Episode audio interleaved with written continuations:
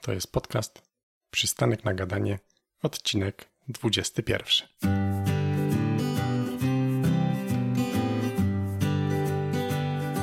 Cześć, witam Cię serdecznie w 21 odcinku podcastu i dzisiaj opowiem Wam o Jurze Krakowsko-Częstochowskiej. Jest to jeden z najatrakcyjniejszych regionów turystycznych w Polsce i przedstawię Wam zalety tego regionu. Powiem Wam, co można tu robić, bo jest naprawdę wiele form spędzania czasu.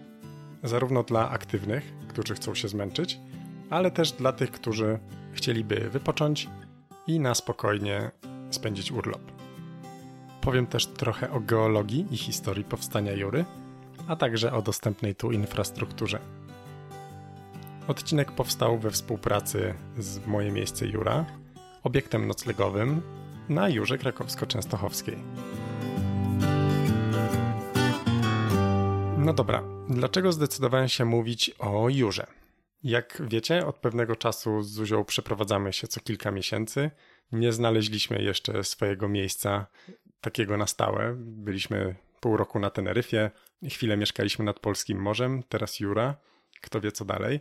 No i właśnie mamy dużo czasu po pracy, w weekendy na zwiedzanie, no i też na wspinanie, więc pomyślałem, że może warto szepnąć Wam kilka słów o tym, jakie mamy ciekawe i naprawdę fantastyczne miejsce w Polsce. Jak sama nazwa mówi, to Jura Krakowsko-Częstochowska rozpościera się od Częstochowy na południe aż do Krakowa. Na Jurę jest łatwo dojechać, samochodem, dlatego że no, mamy duże miasta, więc skąd byśmy nie jechali, są dobre drogi, ale też ci, którzy nie są zmotoryzowani, to na przykład do Zawiercia, czyli na Jurę Północną, można dojechać bezpośrednio pociągiem w 2,5 godziny. Do Krakowa, rzecz jasna, też można dojechać łatwo, a stamtąd już na Jurę Południową mamy raptem 15-20 kilometrów. To krótka historia geograficzna, jak powstała Jura? Jak powstało tak e, dziwne i odmienne miejsce i unikalne jak na Polskę, bo jest to jedyny taki region, gdzie mamy tyle ostańców skalnych? I dlaczego w ogóle nazywa się to Jura? Mianowicie, większość skał i ostańców pochodzi właśnie z okresu Jury. I bardzo, bardzo dawno temu, jakieś mniej więcej od 185 do 65 milionów lat temu, było tu morze. I w tym morzu osadzały się warstwy. Wapienie przede wszystkim, ale też dolomity i margle. No i było sobie morze, one się osadzały, osadzały i stąd mamy tu przede wszystkim skały. Ale jakby co było dalej? Na skutek ruchów tektonicznych w paleogenie obszar Jury się wynurzył spod wody. To było mniej więcej jakieś 25 do 65 milionów lat temu. No i gdy to się wynurzyło, na powierzchnię, to wtedy na skały zaczęły działać procesy erozyjne. Przede wszystkim wietrzenie, ale nie tylko. I te skały, które były słabsze, zaczęły się niszczyć i powstała rozległa powierzchnia właśnie złożona z tych skał. A te skały, które były odporniejsze na wietrzenie, to z nich one zostały i z nich powstały ostańce krasowe. Takie po prostu e, skały, które dzisiaj właśnie mamy okazję widzieć na Jurze. Ale żeby było ciekawiej, to w okresie fałdowania alpejskiego Karpaty zaczęły się przesuwać na północ i jakby dociskać te skały z Jury. I to doprowadziło do tego, że w tych skałach zaczęły powstawać uskoki i pęknięcia. I to jeszcze nie jest koniec, bo jakieś pół miliona do 300 tysięcy lat temu na terenie właśnie południowej Polski mieliśmy do czynienia ze zlodowaceniami. I podczas tych zlodowaceń cały obszar Jury był pokryty lądolodem. No i potem, gdy lodowiec się wycofywał, no to on też zostawiał rzeki płynące, które następnie tworzyły kaniony, tworzyły właśnie e, koryta rzek e, i w tej skale po prostu spadające krople, czy mm, jakieś wody płynące, czyli tutaj mam do czynienia z erozją wodną, prowadziły właśnie do jeszcze e, takiego wypolerowania tych skał i do tworzenia dodatkowych form skalnych, jakie widzimy dzisiaj. No to tak słowem wstępu, tak mniej więcej powstała Jura. Ale no, to, co nas najbardziej ciekawi, czyli to, co można tutaj robić, i to teraz właśnie powiem. Powiem wam, że gdy się przygotowywałem do tego odcinka, to byłem e, naprawdę zszokowany, jaka jest tu różnorodność możliwości wypoczywania, zwiedzania i tego, co można robić. I jak jest to naprawdę atrakcyjny, fajny obszar, który warto zobaczyć.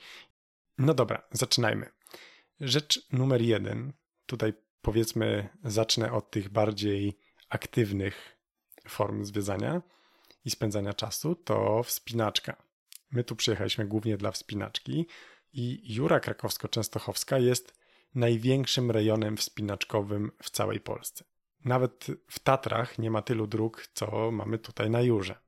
Także jeżeli ktoś się wspina, albo nawet jeżeli ktoś z Was się nie wspina, to jest tu wiele szkół wspinaczkowych, w których można robić różne kursy podstawowe, albo po prostu umówić się na jeden czy dwa dni wspinania.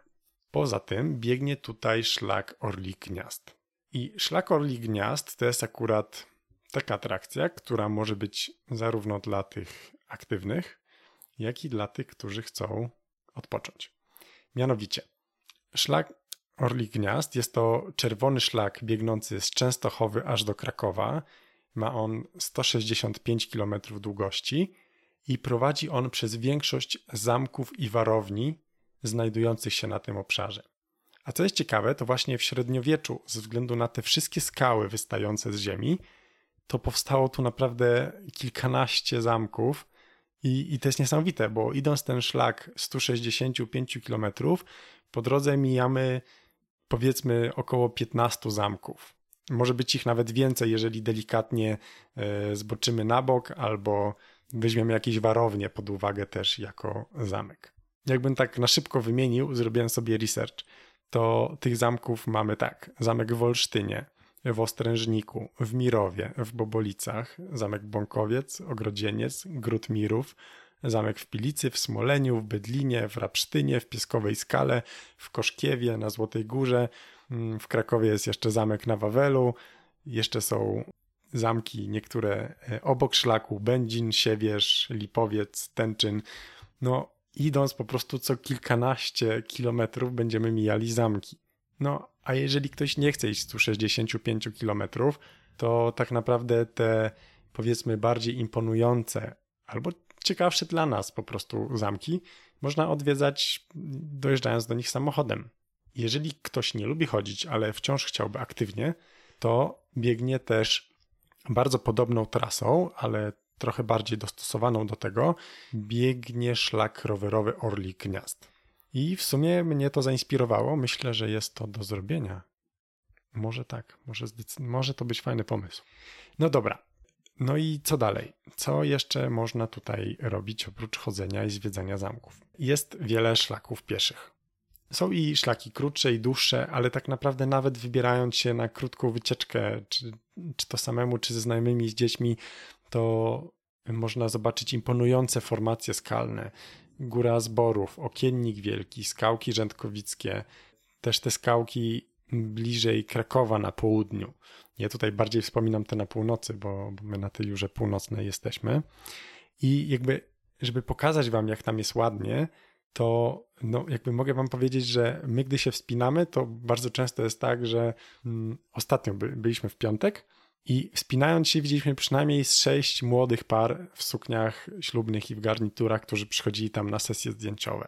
No jest naprawdę przepięknie. Wejdźcie na mojego Instagrama, na Facebooka, przystanek na gadanie i zobaczycie zdjęcia. No jest naprawdę kosmos. Jeżeli już jesteśmy przy przyrodzie i przy naturze, to jest tutaj też wiele jaskiń. I słyszycie grzmoty? Właśnie burza przechodzi. Mam nadzieję, że że nic nam się nie stanie. E, właśnie, wracając do tematu, no to mamy tutaj tak naprawdę jedne z najbardziej imponujących jaskiń w Polsce. Mamy jaskinię Wierną, która ma ponad 1000 metrów długości i 30 metrów głębokości. Są słynne jaskinie, jak na przykład e, jaskinia Ciemna, Łokietka, Mamutowa, Głęboka, a także jaskinia Studnisko, która ma 77 metrów głębokości. Część jaskiń zdecydowanie można eksplorować po prostu wykupując bilet i wchodząc z przewodnikiem, ale niektóre są jaskinie dostępne nawet na własną rękę. Chłopaki, którzy z nami mieszkali tu w czerwcu, wzięli liny, sprzęt i poszli do lasu, wejść po prostu na dziko do jednej jaskini, wzięli latarki i też tak zwiedzali. No forma zdecydowanie dla osób bardziej zdecydowanych na takie atrakcje dostarczające adrenaliny i odrobiny niepewności. Kurczę, mam nadzieję, że ten deszcz nie będzie wam jakoś bardzo przeszkadzał, że mnie będzie dobrze słychać. No dobra, są jaskinie nie tylko dla hardkorów, ale też takie, które można zwiedzić z przewodnikiem i są oświetlone, mają, wiecie, ścieżki, kładki, poręcze. No, naprawdę jest, jest to dostępne dla, dla dzieci. I co dalej? Wiele tras rowerowych, nie tylko ta, ten szlak Orli Gniazd, są zarówno ścieżki, w ogóle przepiękne ścieżki asfaltowe jadące przez pola i łąki, lasy. Ja y, dużo jeżdżę na rowerze, a no, muszę przyznać, że są to naprawdę jedne z piękniejszych ścieżek, jakie widziałem, bo no, zazwyczaj ścieżki albo gdzieś tam biegną przez wsie i wiecie, takim słabym asfaltem, albo na przykład jest ścieżka rowerowa przy ruchliwej drodze, a tutaj po prostu mamy ścieżkę przez łąkę. Załączę gdzieś zdjęcia. O, na mojej stronie, zróbmy tak. Umówmy się, wrzucę zdjęcia na stronie do tego artykułu przystanek na gadanie.pl ze ścieżką rowerową. Oprócz tego mamy pustynię błędowską. 33 km kwadratowe piachu. Jedyna taka pustynia w Europie. Pisałem o niej ostatnio na Facebooku, więc jak Was też interesuje bardziej ten temat, to zdecydowanie tam możecie doczytać więcej. No i Ojcowski Park Narodowy. Jest to jeden, moim zdaniem, jeden z najciekawszych parków narodowych w Polsce. No i co tam, co tam jest? No, słynna maczuga Herkulesa, brama krakowska, park w ogóle słynie z nietoperzy, są jaskinie. Odkryto też tam ślady ludzi pierwotnych, więc też można zwiedzać jakieś wystawy. Znaleziono tam ślady człowieka sprzed 120 tysięcy lat przed naszą erą. No kaman, to jest naprawdę hicior ale są też młodsze odkrycia ludzi, którzy żyli tu 5000 lat przed naszą erą, więc e, powiedzmy, że lepiej zachowane można zobaczyć niektóre jakieś, czy to malowidła, czy przedmioty, którymi się posługiwali. Co jeszcze moim zdaniem jest na plus na Jurze, to już może nie tyle atrakcja, co po prostu sam klimat tego miejsca, to fakt, że nie jest tu tłoczno, tak jak w takich, wiecie, kultowych miejscach jak nad morzem czy w Tatrach, no bo tam to jest człowiek na człowieku. I tutaj wiadomo, jeżeli wybierzemy się do Ojcowskiego Parku Narodowego w weekend, no to okej, okay, też będzie dużo ludzi. Szczególnie, że Ojcowski Park Narodowy, jeszcze taka ciekawostka, jest to najmniejszy park narodowy w Polsce. Ale jeżeli pójdziemy na spacer, właśnie y, zobaczyć skały, ostańce, nie tylko te rzeczy takie, wiecie, najpopularniejsze, to jest cisza i spokój i jest tu mało ludzi i naprawdę można wypocząć. Tutaj może taka trochę mała reklama, ale jeżeli byście się wybierali, to my na przykład bardzo polecamy Wam skorzystanie z usług mm, Moje Miejsce Jura. My tutaj mieszkamy już drugi miesiąc. Po pierwszym miesiącu zdecydowaliśmy się przedłużyć i jest to fantastyczne miejsce, bo można wynająć sobie domek własny z własnym ogródkiem Oprócz tego wszystko jest tu przygotowane rewelacyjnie, bo jest i basen, i sauna, i piłkarzyki, rzutki, mini golf, plac zabaw dla dzieci, ale też można przyjeżdżać ze zwierzętami. Teraz widziałem, że robią jakiś park zabaw dla psów. Są trampoliny, y, mini ścianka wspinaczkowa, hamaki, rowery, siatkówka, piłka nożna, miła obsługa. No, fajne miejsce, naprawdę. Jeżeli byście się wybierali, zobaczcie ofertę. Myślę, że naprawdę warto zobaczyć, rozważyć, bo jest, jest super. No i tutaj jeszcze tak chciałbym dodać, że wiecie, podcast to jest taka forma, w której mówię, ale nie mogę wam pokazać i często po prostu chciałbym wam pokazać wiele rzeczy. A tak naprawdę no, wzrok najbardziej przyciąga, tak takim, wiecie, kątem turystycznym. Dlatego zachęcam Was do śledzenia mnie na Instagramie, na Facebooku, przystanek na gadanie. Tam regularnie wrzucam różne foty, więc jeżeli Was interesuje Jura albo po tym odcinku myślicie, że może być to coś dla Was, to wpadajcie i śledźcie i sami się przekonajcie.